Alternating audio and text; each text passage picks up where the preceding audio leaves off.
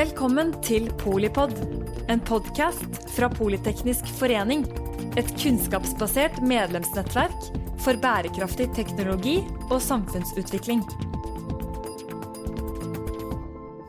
Hjertelig velkomne til denne episoden av eh, Polipod om makt og tillit i lys av eh, koronakrisen og betydningen for både samfunnssikkerhet og personvern.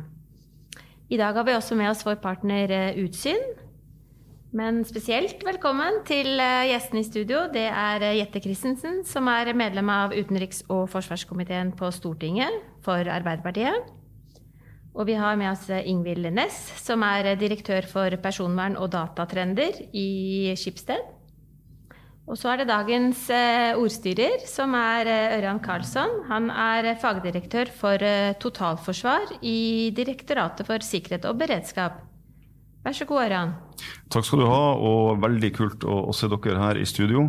Eh, den overskrifta vi har i dag, altså 'Makt og tillit i krisetid', er, det er en ganske sånn heftig eh, tittel. Altså, vi kan snakke om mye der. Men jeg tenkte vi skulle sånn innledningsvis eh, bare begynne med det som vi fremdeles står i, men som man kanskje har begynt å senke litt skuldrene på. Eh, og kanskje det er litt for tidlig, men også covid-19 hvordan det har påvirka samfunnet, og ikke minst relasjonen mellom, mellom innbyggere, maktapparat, eh, privat offentlig. Og jeg tenkte sånn, fra ditt ståsted, Jette, eh, hva er din sånn vurdering så langt? Altså Nå er vi en 12-13 uker ut i dette. Eh, hvordan syns du vi har klart oss, og hva er det som hva er det vi må gjøre bedre i fortsettelsen? Å begynne på det siste først, eh, så har jo covid-19 blitt en stall der alle kan gre sine kjepphester. Eh, alle eh, har muligheten til å si at dette har lært oss at, og så kan man sette inn valgfri kampsak. Sånn at det har jo vært interessant å følge den øvelsen der. Men hvis vi ser på bildet internasjonalt om hvordan politikere har brukt og misbrukt covid-19, så jeg skulle begynne ute og bevege meg hjem. Mm Eh, begynner med Ungarn og Polen, mm. eh, som bekymrer meg veldig. Jeg sitter i Europarådet. Eh, og det jeg ser, er jo at Ungarn har jo eh, fått på plass denne unntaksloven sin, eh, som eh, gjør det forbudt å kritisere tiltak. den har forbudt fake news. Og når du forbyr fake news, eller kaster mennesker i fengsel for å spre fake news, Eh, når du er kjent for å kaste journalister i fengsel. Eh, og det er du sjøl som skal bestemme hva som er fake news, så er jo forskjellen mellom fake news og bad news eh, veldig liten. og så er det jo interessant å se hvordan det internasjonale samfunnet reagerer på det. Mm. Nato har jo tatt opp situasjonen i Ungarn. Ikke fordi at Nato er en menneskerettighetsorganisasjon, men fordi at Nato er en organisasjon som har ansvar for felles sikkerhet. Eh, og det er eh, en sikkerhetstrussel når eh, demokratier krymper på den måten. Polen var i ferd med å arrangere valg ja. i mai. Det var det opposisjonen internt i Polen som klarte å stoppe. Og det har jo revitalisert en debatt om disse EØS-midlene. Mm. Hvor viktig det faktisk er å være med og bidra på å bygge på å bygge eh, aktive opposisjoner mm. i land som er veldig nært oss. Husk at eh, Polen er jo også et Nato-land, og det er første gang i historien eh, bare for noen år siden at vi faktisk ga eh, en menneskerettighetsforkjemperpris til altså Raftoprisen ja. til ombudsmannen for menneskerettigheter i Polen. Ja. Det er en veldig spesiell situasjon. Eh, men eh, hvis du ser på hvordan vi sjøl har klart det, eller ikke klart det, så er det jo eh, eh, denne unntaksloven var det jo mye diskusjon om i begynnelsen. ikke sant? Og det, eh, den loven kom jo på plass eh, Jeg er jo i opposisjon, men jeg har ingen grunn til å tro at den loven kom på plass av noen annen grunn mm. eh, enn for at ting skulle gå mer smidig. Ehm, og så ehm, har det jo vært helt reelle politiske diskusjoner som man skal ha. Mm. Men i begynnelsen så tror jeg hele det politiske Norge var eh, rusta over hvor dårlig rusta man egentlig var til eh, ikke bare eh, det helsemessige, men den skuffa som heter økonomisk handlingsplan i en situasjon der man må stenge alle kranene. Eh, det måtte vi gjøre sammen eh, for første gang. Og så har jo liksom de politiske diskusjonene vokst etterpå mm. og blitt revitalisert og godt og det. Men de første ukene så tror jeg det var eh, viktig at vi prøvde å finne en løsning i lag. Ja, Der er det jo allerede lagt en god del baller på bordet bare der. Og jeg tenker sånn fra, fra privat sektor da, side, og som Jette var inne på både når det gjaldt Polen og Ungarn, så er det jo spesielt media da, blir jo brukt eller ikke brukt. Altså, hvordan ser verden ut fra, fra sitt ståsted da, i alt dette? Ja, og For å henge med på det du nevner, Jette, med denne koronaloven òg. Jeg tenker jo Den er jo egentlig et sånt skolebokeksempel på medienes rolle. Hvor egentlig det kom et forslag til en lov som var veldig vidtgående, som ble sendt i retur. Der hadde jo mediene en eh, stor rolle i å belyse hvor vidtrekken faktisk eh, var. Og virkelig fikk i gang god diskusjon om hva som er riktig. Mm. Eh, så den perioden her har jo virkelig vist hvor viktig det er på en måte å ha frie, frie medier og ha rom for god offentlig diskusjon. Og det er jo liksom ikke sant, det føler jeg er den store røde tråden eh, i den krisen her også. ikke sant, At vi er så avhengig av den offentlige diskusjonen. For her er det virkelig de derre grunnleggende viktige viktige eh, verdiene vi har i samfunnet vårt som står på spill. Hvor vi er opptatt av ytringsfriheten, vi er opptatt av å ivareta folkehelsen, personvern. Eh, hvordan skal vi eh, navigere i dette her, og hva skal vi veie tyngst i den situasjonen her? Og en ny dimensjon som kommer inn her, er jo teknologien. Hvilken rolle spiller teknologien? Hvor teknologien på en måte representerer en trussel, samtidig så er det i teknologien eh, løsningen ligger. Alt fra når det gjelder smittehåndtering til at vi har klart å jobbe hjemmefra. Mm. Eh, så det her er virkelig en sånn Altså fra et nerdeperspektiv så er jo dette her en tid hvor, eh, hvor på en måte vi virkelig får øvd oss på det vi bare har lest om eh, eh mange av oss ja. til nå, altså. La oss spinne litt videre på den. Altså, den vi, det som har vært diskutert en del den, den siste uka, har jo vært uh, den uh, appen som ble installert. Altså, og, og, Datatilsynet var ute og sa at uh, det var problematisk knytta til personvernet. hvor går balansen, sett fra et sånt folkevalgt ståsted, mellom hva som er riktig knytta til krisa, og hvor langt man kan dytte som ellers vil være det vi har til, til, til personvern? Da. Altså, hvor langt kan man egentlig gå i en krise som dette? Og, og, hva har vi egentlig lært av situasjonen så langt, når det gjelder helse, den appen da, til å begynne med? Det vi har lært av denne situasjonen så langt, eh, er eh, hvor sårbar tillit er. Mm. Eh, og det gjelder jo alle helsemyndigheters eh, aggresjon i denne situasjonen, og men særlig også denne appen. Da går du inn i mobiltelefonen til mennesker som er redde. Mange er redde for jobben sin, noen er redde for helsa si. Mm. Eh, alle kjenner noen som er i risikosonen. Alle vil gjøre det de kan, eh, og ønsker å bidra, de aller fleste ønsker å bidra og gjøre så godt de kan. Det gjør vi alle sammen. Eh, restauranter stenger, busser er tomme. Eh, livet reguleres på en, en, måte som gjør at man opplever at krisen er veldig sterk. Eh, og da mobiliserer man også en følelse av at her må jeg gi fra meg noe av min frihet for å oppnå trygghet. Eh, noen ganger kan det være riktig, men da må man vite veldig godt hva man gjør på forhånd. Eh, og jeg er et teknologisk utviklingshemma. Eh, altså, jeg skjønner ingenting av, av teknologi. Alle teknologiske duppeditter som er ødelagt, det er alltid mine. Sånn at jeg tenker sånn, Når helsemyndighetene sier at dette her er trygt, så tror jeg på at det er trygt. Men da, men da må det da må man være helt sikker på at den appen eh, fungerer etter hensikten, eh, at den er målretta, eh, og at den informasjonen blir brukt det den skal. Eh, nå sitter vi i en situasjon der eh, den jevne avisleser ikke har det inntrykket. og det er, det er, veldig alvorlig, fordi at det, den tilliten tar veldig lang tid å bygge opp igjen. Men jeg tenker her, altså, sånn, Du har jo personvern og teknologi som ditt fagområde den korte tida vi, vi, hadde jo veldig kort tid, den måtte på plass. Og så har den noen brister. Men er godt nok godt nok i krise? Ja, altså, jeg syns egentlig at uh, Datatilsynet har vært utrolig, uh, hatt en utrolig god tilnærming egentlig fra start og, og, gjennom måte hele den vurderingen de har gjort.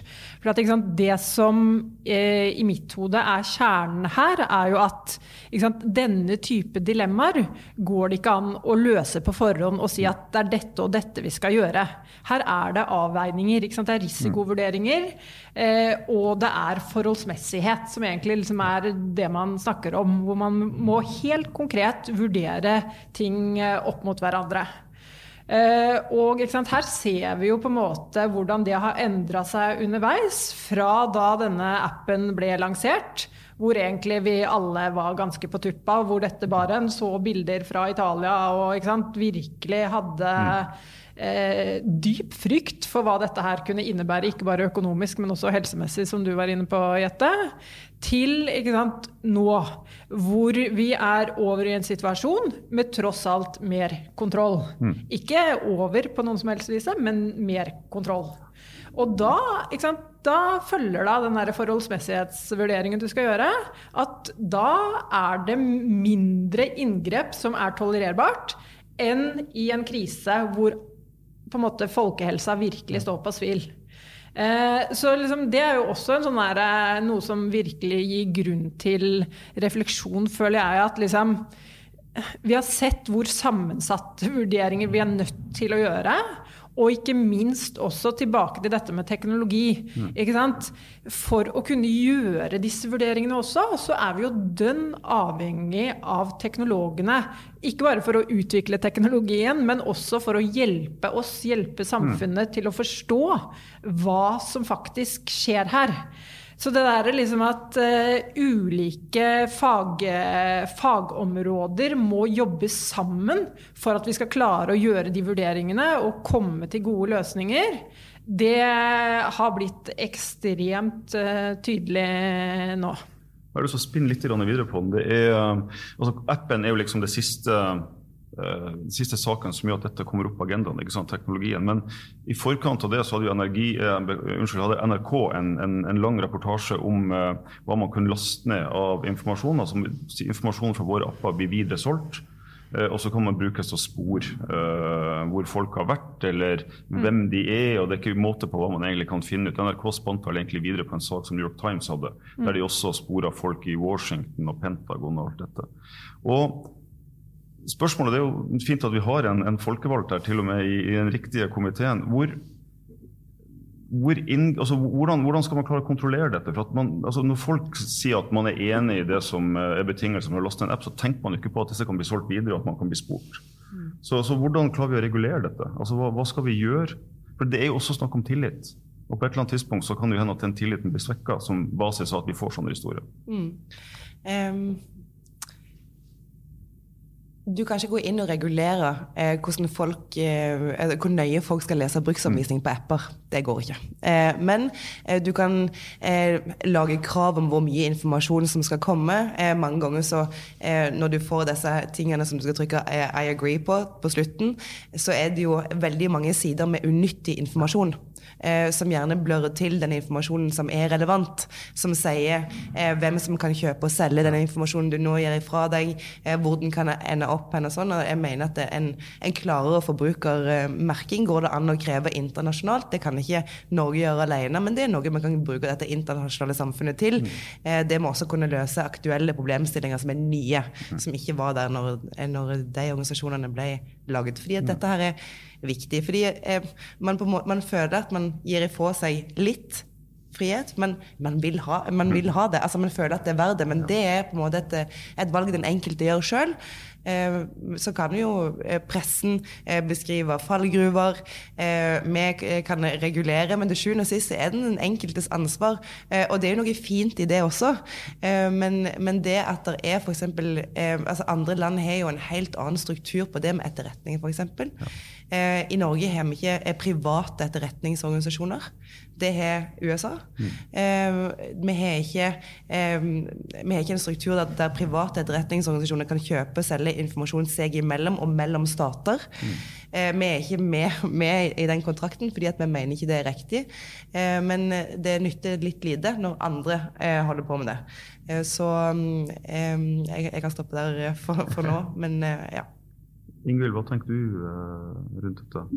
Altså, uh, Hvor mye skal reguleres? Hvordan ser verden ut fra, fra Skipsted når det gjelder denne type ting? Ja, altså Først og fremst så syns jeg jo det er utrolig bra at eh, NRK Beta i denne saken her har satt fokus på dette, og for så vidt også at Datatilsynet følger opp. For det kan jeg jo si at sant, vi i Skipsted så erfarer vi jo det helt konkret. Vi har også mye data. Vi erfarer at det er veldig mange ulike typer leverandører og selskaper som eh, eksempelvis eh, sier at data er anonymisert når det ikke er det i GDPR-forstand, for å si det sånn. Eh, og for den saks skyld betinger seg altså Si at du egentlig bare skal ha noe lagring av noe data, og så ser du i vilkårene at selskapet betinger seg å få tilgang til dataene og bruke det til egne formål. Som er totalt ugreit fra vårt perspektiv. Og det er jo noe som vi på en måte erfarer i det daglige. at ikke sant, det der å ha virkelig løpende kontroll av de selskapene som man jobber med og samarbeider med, det er, helt avhengig, det er man helt avhengig av for å kunne håndtere data på en tillitvekkende måte. Mm. Så liksom det derre bransjefokuset og sørge for å rydde opp, for det er definitivt shady aktører der ute, det er superviktig. Og så mer fra et sånt forbrukerperspektiv så er jo dette her et stort dilemma. Fordi at eh, på den ene siden så eh, skal man gi på en måte dekkende informasjon. Mm. Og mye av det som foregår nå, er jo ganske så komplekst. Sånn at du klarer ikke å komprimere det i en sånn liten, lett forståelig tekstsnippet. Eh, Samtidig, ikke sant, eh, Forbrukermyndighetene hadde jo det stuntet for et par år siden eller hva det er nå, sant, hvor de lest, satt i flere døgn for å klare å lese gjennom brukervilkår for ymse Apple-produkter og hva vi nå enn bruker i dagliglivet. ikke sant? Som viser bare at det er totalt uholdbart. Ja. Så det er å finne den riktige balansen, klare å Opplyse, utdanne forbrukere om hva som egentlig foregår. Gjøre de oppmerksom på rettighetene de har, hvordan de kan utøve de rettighetene osv. Det er jo et kjempeviktig arbeid som, eh, som, eh, vi jo egentlig bare har begynt på, og som blir mer og mer viktig etter hvert som teknologien brer om seg. Og det er det som er så spennende. tenker jeg, at altså, I krisetid gjør jo at uh, altså, søkelyset kommer på dette. Vi ser mye tydeligere hva utfordringene er. Og ei, En ting som var en utfordring, og som har vært gjennom eh, komiteen din, tar jeg ikke helt feil, ganske nylig, og som handler veldig om tillit og hvor langt befolkninga syns at det er greit at noen ser dem i kortene, mm. er da det som populært kalles digitalt grenseforsvar, men uh, som vel egentlig heter lov om tilrettelagt innhenting, tar jeg ikke helt feil. Uh, og sånn, veldig sånn kort, hva, hvorfor trenger vi denne loven? Vi trenger den loven fordi at krig ikke er det den en gang var. Mm. Eh, den gamle loven var fra 1998. Tenk tilbake til 1998. Da lå E-Type på hitlistene. Eh, Trine Rein var på hitlistene. Eh, det var syv år før Facebook ble lansert i Norge. Eh, da er, lagde vi den forrige E-loven. Mm. Det gjør eh, at aktører som vil oss vondt, ute har i hermetegn tilgang til helt andre virkemidler enn det etterretningstjenesten har. I motsetning til de aktørene som vi nettopp snakket om, så er E-tjenesten underlagt kontroll via domstolene, via EOS-utvalget og via Stortinget. Eh, jeg mener ikke eh, at det er sånn at fordi at vi forbrukere trykker 'agree' på Facebook og Snapchat og Instagram, eh, da betyr ikke det at vi fortjener eh, en drøyere overvåkning. Eh, det, det, er ikke en kontrakt som går eh, på den veien. For det er veldig forskjell på når det er en eh, stat som gjør noe, og når du sjøl faktisk har det valget å trykke ja eller nei. Men dette er en lov som dreier seg om utenlandsk etterretningen. Mm. Eh, E-tjenesten er absolutt ikke interessert i deg eller meg. Men de kan bli interessert i oss hvis vi har kontakt med en, eh, en fremmed makt eller en, eh, en, eh, en trusselaktør ute. Der, har, der, det er kommunikasjon, der man kanskje planlegger eller er, er, er i befatning med kriminalitet. Men det holder ikke at E-tjenesten tror at jeg har kommunikasjon med en terrorist eller eh, med et kriminelt eh, nettverk i utlandet. Det er ikke nok.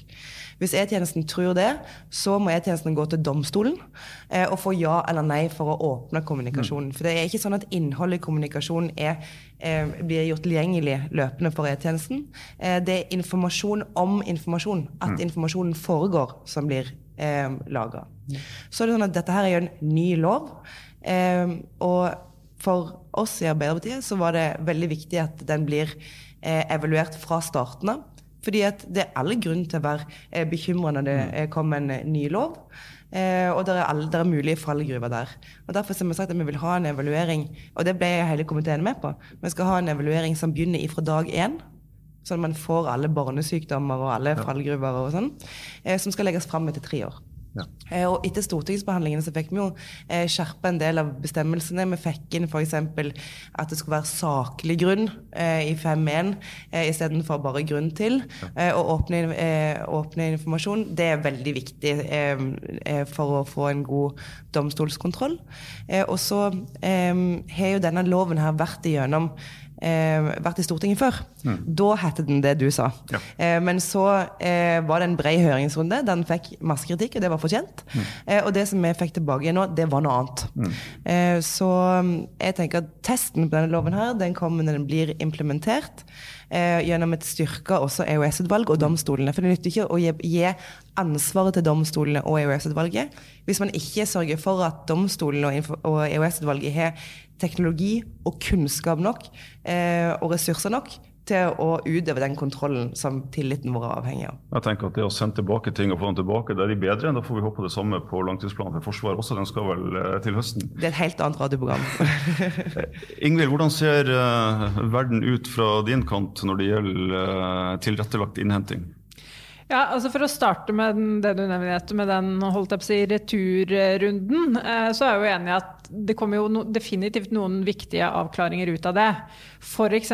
så tenker jeg det er utrolig viktig at det nå er presisert dette med bevisforbud og delingsforbud. Mm. For en sånn eh, reell fare som har vært der, er jo det at sant, så lenge data fins, så er det veldig fristende å bruke de dataene til et eller annet. Og det å opplyse en straffesak f.eks. kan være utrolig viktig det, for å sørge for at rett person blir dømt eller ikke dømt. Men nå er det jo tydelig presisert at denne dataen her er off limit, skal ikke brukes, uh, brukes i andre sammenhenger. Så, så det har vært uh, viktige presiseringer å få på plass. Eh, samtidig eh, så er jo tenker jeg at det er noen eh, ganske store, store dilemmaer eh, her. Ikke minst dette med sant, faren for nedkjølingseffekt. Mm. Uansett egentlig hvor godt du forsøker å demme opp med bestemmelser. Og sånn sett ironisk nok kan man jo si at det der at uh, denne loven her diskuteres uh, i samfunnet, i seg selv kan ha en, uh, en nedkjølingseffekt, ironisk nok. Ja. Men det at du vet at det finnes et eller annet form for overvåkningsgreier. Du vet kanskje ikke detaljene, men det finnes noen sånn overvåkningsgreier. Eh, når gjør det Kommer det snikende og gjør at du plutselig begynner å agere annerledes enn det du ellers ville gjort? Det, det er jo noe som er superviktig å hele tiden ha i mente. Eh, og i tillegg så har jo vi, altså både journalister og redaktører, har jo vært ganske tydelige hele veien også på at de, de er bekymra for kildevern. Mm. Og litt sånn nær sagt uavhengig av hva man forsøker å få til, så er det liksom et fareelement uh, der. Så sant, igjen tilbake til der at dette er virkelig tiden for de store hensynene som står opp uh, mot hverandre. For selvsagt, det hjelper ikke å ha et godt personvern hvis du ikke er sikker. Men, men du må også klare å løse personvernet i det. Så mm. vanskelig sak, dette her, altså. Mm. Og eh, akkurat det med nedkjølingseffekten, eh, det er jo det som er så viktig at, vi, eh, at dere gidder å ta denne runden her. Eh, fordi eh, hvis man eh, får beskjed om gjennom en avisoverskrift som man leser litt sånn kjapt, at nå, det, eh, nå setter man i gang en masseovervåkning av norske borgere, det er jo klart at da tenker du jo mer over hva du deler på internett. Men det stemmer jo ikke.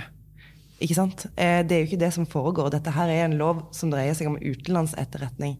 Eh, som ikke skal eh, gå inn og lese vår informasjon. Altså, jo, jo, oftere man kan ha sånne debatter, og gidder å ta de rundene, mm. så får man liksom opplyst folk om hva dette her er. opplyst folk om at man må ha en domstolkjennelse for å gå, for å gå inn i informasjonen. Man man, man er underlagt kontroll gjennom EOS-utvalget. EOS-utvalget har mulighet til å stoppe eh, en åpning av, eh, kommunikasjon. At det er disse mekanismene. Eh, sånn at eh, det er jo ikke eh, en, en opphetet Facebook-debatt mellom meg og deg. Uansett hvor drøye vi kan være i, i eh, argumentasjonen, så vil ikke det være interessant. ikke sant? Altså, eh, og det trenger folk å få beskjed om. Folk hører på forskjellige ting og leser forskjellige ting. Derfor så må vi gidde også Og det gir, jo plass til de store diskusjonene i de små avisene. Fordi det er jo Det gjelder jo um, alle folk overalt hvor de bor, og det er jo ikke alle som leser Oslo-aviser hver dag. og derfor så er det er viktig å kunne gi eh, plass til disse eh, diskusjonene eh, flere steder.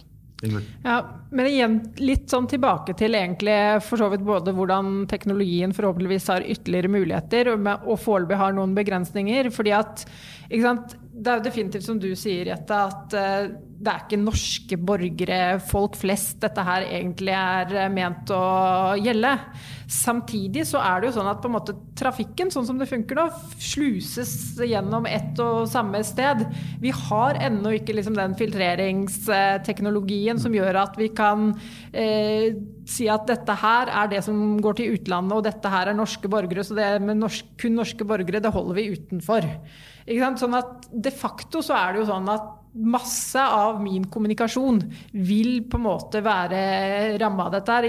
Litt sånn enkelt sagt at det som står utenpå konvolutten når jeg sender et fysisk brev, det vil være på en måte med i det som, eh, som skal samles eh, inn her.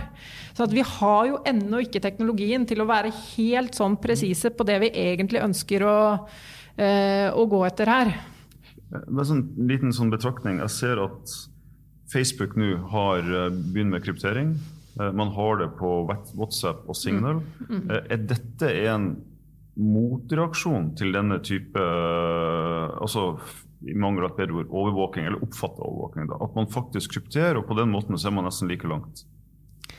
Ja, altså jeg tenker jo at man har liksom noen sånne Microsoft har jo for så vidt vært de som begynte tidlig. ikke sant? Når de, når de ble pålagt å utlevere data til amerikanske myndigheter, så nekta de og sa at liksom det kan ikke vi, vi må verne dataen til brukerne våre. Sånn at det tror jeg på en måte er noe som Og for den saks skyld, altså jeg mener eh, I Skipsted så ser vi jo også det at eh, vi får en hel masse henvendelser fra politiet som ønsker å få utlevert data. Eh, mer eller mindre begrunnet. Og klart at sant, Foreligger det en kjennelse fra, fra retten, mm. så må vi, eh, må vi pålegge. Men, men, når det er en fisketur fra politiet, da har ikke vi adgang til å, til å pålegge. Eh, sånn at eh, det, det, at uh, ulike selskaper etter hvert eh, har behov for å på en måte betrygge på mm. at data du deler med oss, håndteres forsvarlig av oss, det er veldig klart. Jetta. Ja, um, og bare det at dette her ikke er politiet, f.eks. Mm. Denne loven her er, gir ikke politiet noen flere virkemidler. Det er Etterretningstjenesten som får uh, muligheten til å samle masse altså, informasjon i bulk. Eh, og så må de ha en domstolskjennelse for å gå inn og se på den hvis det er, tilstrekkelig stor eh, grunn til å tro at det foregår kriminalitet. Mm. Eh, sånn at det er, ikke, det er forskjell på politi og, og etterretning. Eh, og derfor så mener jeg egentlig at E-tjenesten har muligheten til, til, å ta mye større ansvar for å kjempe for sin egen tillit enn de gjør. E-tjenesten er en sivil etterretningstjeneste som er der for å passe på meg og deg. Eh, krig er ingen lek. Den foregår ikke sånn som den gjorde før. Den foregår på internett nå. Og før vi hadde den loven på plass, så var ikke Etterretningstjenesten i Norge i stand til å beskytte oss på den måten som vi forventer at de skal. Eh, vi trenger å være selvforsynt med sikkerhet. Per eh, fram til sist uke så måtte vi kjøpe etterretningsinformasjon fra Sverige. Det holder ikke. ikke det er mye bedre at vi har de, har den, de eh, hjemlene i Norge, sånn at Stortinget, et folkevalgt eh, organ, kan regulere det. Eh, at norske domstoler kan kontrollere det. At norske EOS-utvalg kan stoppe hvis man går inn og kikker på informasjon. ikke sant? Sånn at E-tjenesten bør, burde og kan mm. ta mye større plass i offentligheten med å forklare hvorfor de, hvorfor de er der. Mm. Hva som er jobben deres. Eh, fordi at det er, Selv om de driver med, med mye som eh, er hemmelig med god grunn, så er ikke det at de finnes hemmelig, og hvorfor de er der, er heller ikke hemmelig. Eh, og det er ikke farlig å snakke om det. Tvert imot, det er bra, og det inngir eh, tillit. Ja, så Da er vi på makt og tillit her, og da er det jo interessant å stille spørsmålet er det for mye hemmelighetskremmeri. Eller består vi testen. Hva, hva, hvordan ser det ut fra, fra ditt ståsted? Ja, altså igjen eh, så har jo den, eh, den, krisen her eh, vist oss på en måte dilemmaer rundt det der. Vi har jo journalister hos oss som har vært ganske aktive på pressekonferanser og pirket borti at her skulle vi gjerne sett underliggende vurderinger som ligger til grunn for de konklusjonene som blir, blir trukket. Så helt sånn eh, gjennomgående så mener jo vi definitivt at eh, åpenhet bidrar til at vi kan gjøre disse vanskelige vurderingene mm. sammen som eh, samfunn. Så det må vi strebe etter å få til hele veien. Mm. Hvordan har dialogen vært på, uh, på, Stortinget når det gjelder dette med åpenhet og innsyn i de avgjørelsene som blir tatt knytta til f.eks. covid-19? Altså, hva, hva, hva, hva, føler man at befolkninga mener? Har man noen idé om det? Eh, ja, jeg håper jo for guds skyld det, hvis ikke er vi ikke mye verd. Eh, men, eh, men, jeg eh, mener eh, generelt at det er for mye som holdes hemmelig uten -hmm. grunn. Eh, det er for mange saker som blir tatt i utvida utenriks- og forsvarskomité. Det er for mange beslutninger som blir fatta uten et åpent faktagrunnlag som man kan ettergå. Jeg skjønner at når man skal ta beslutninger som dreier seg om folks helse, så er det eh, altså, vi, vi, har jo alle sammen en Facebook-feed, og vi hadde jo alle sammen eh, covid-19-eksperten. Eh, ikke sant? Eh. Vi har jo alle disse. Og det var jo viktig at vi hadde et sted å gå der alle sammen var enige om at det er riktig og sånn. Eh, men, men jeg tror man har veldig mye å tjene på å ha informasjonsgrunnlaget åpent, sånn at, man, at, pressen kan ettergå det.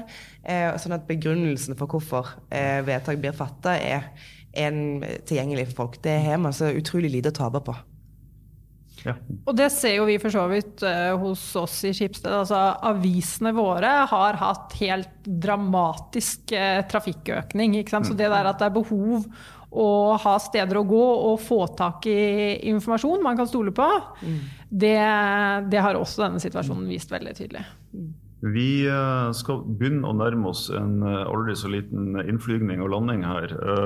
Eh, og jeg ser på spørsmålsarket mitt at jeg egentlig bare har skrapa på overflaten, så vi får eventuelt komme tilbake hvis, hvis, det er stemning for det ute blant dere som lytter. Men sånn oppsummert, Jette. Tillit, makt, krise. Eh, Covid-19 har vært et sånn brennglass der vi liksom har fått prøvd oss på en situasjon som jo, man har hatt scenario for det, men det er noe helt annet å stå i det. Eh, hvis du skal ha en liten sånn sluttappell da, eh, knytta til dette, altså hvor går vi herfra? Hvordan blir vi bedre? Jeg tror det er det ingen som har oppskrift på. Og de som later som de har det, eh, de har en kampsak som handler om noe helt annet enn eh, covid-19-bekjempelse. Eh, men jeg tror noe av testen på et godt demokrati etter covid-19 er når man bestemmer seg for at krisen er over. I Ungarn f.eks. så er, er det opp til presidenten å bestemme når krisen er over, og når unntaksloven kan oppheves. Eh, I Norge så vi, eh, er det noe vi bestemmer sammen. Eh, men det er avhengig av at vi er åpne, at vi har en løpende demokratisk diskusjon om dette her, sånn som vi har nå, og at man tør å slippe opp og gi bakgrunnsinformasjon for hvorfor beslutningene blir fatta. Fordi at når man gjør så stor inngripen på folks liv og lommebok og helse som man faktisk gjør nå, eh, så må folk skjønne hvorfor. Ingrid. Ja, enig. Og så for kanskje mange av lytterne her er det relevant. Så tenker jeg at sant, fagekspertene, eh, teknologer og andre fageksperter, steppe opp og bidra inn i samfunnsdebatten. For det blir så viktig fremover for at vi skal dis eh, diskutere hva som reelt sett eh, foregår og skjer, og rett og slett ha en god, opplyst eh, debatt. Og jeg har jo kjempetro på at teknologien kan bringe mange løsninger, men da er vi helt avhengige av at fagekspertene stepper opp og bidrar til å sørge for at vi forstår hva vi egentlig gjør. Mm. Tusen takk begge to. Dette var uh, en, en, god start, og i alle fall fikk vi bredda det litt ut. Så jeg tenker vi gir oss der.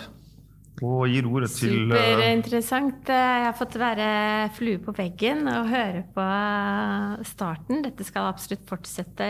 Det kommer en ny episode, det hører jeg. Det er eh, veldig hyggelig å takke av eh, Jette Christensen, medlem av utenriks- og forsvarskomiteen på Stortinget eh, for Arbeiderpartiet. Ingvild Næss, direktør for personvern og datatrender i Skipsted. Og stødig ordstyrer Ørjan Karlsson, fagdirektør for totalforsvar i Direktoratet for sikkerhet og beredskap. Og tusen hjertelig takk til deg som eh, sitter, går, løper, står, ligger og hører på Polipod. Takk for at du lyttet til Polipod fra Politeknisk forening. Få med deg flere episoder, eller bli med på nettverksmøtene som du finner på at polyteknisk.